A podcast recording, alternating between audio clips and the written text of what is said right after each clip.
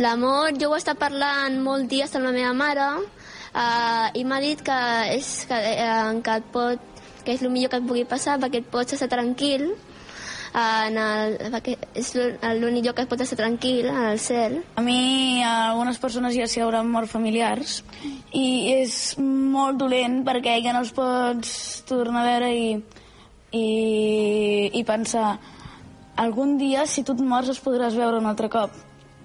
Però jo tinc por de la mort. Per què? Perquè si et mors no sabem què passarà després. Estarem al cel i no recordarem res, tenim una vida, no se sap. El de la mort és una mica desagradable veure algun familiar o amic teu que ha mort i molt trista i bueno, espero que ningú se li mori un familiar o amic. És una cosa que li passa a tothom, que al final es mort, que a mi em fa molta por perquè després no saps el que passarà i si perds un familiar teu, doncs, si és el teu pare o teva mare, pues, fa pena i o sigui, no pararàs de plorar, personalment passarà i que no m'agrada, que fa por. Jo penso que la mort és un fet que, succe que li succeirà a tothom, ja siguin familiars, amics, a tothom, i que és un fet que a mi em dóna bastanta por, tristesa, que algú a prop meu es mori algú que l'estimo, que em cau molt bé, que em mori i que no el torni a veure, em provoca molta tristesa.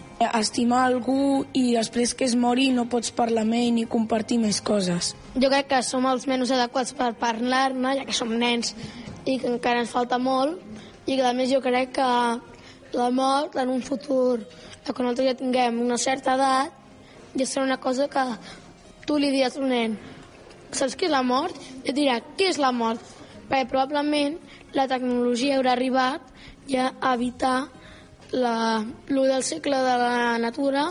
Jo penso que la mort és una cosa natural, no es pot evitar, encara, pot ser que al futur, i, però jo penso que no tenim que pensar en això, perquè som nens i primer tenim que pensar tot el que no hem fet.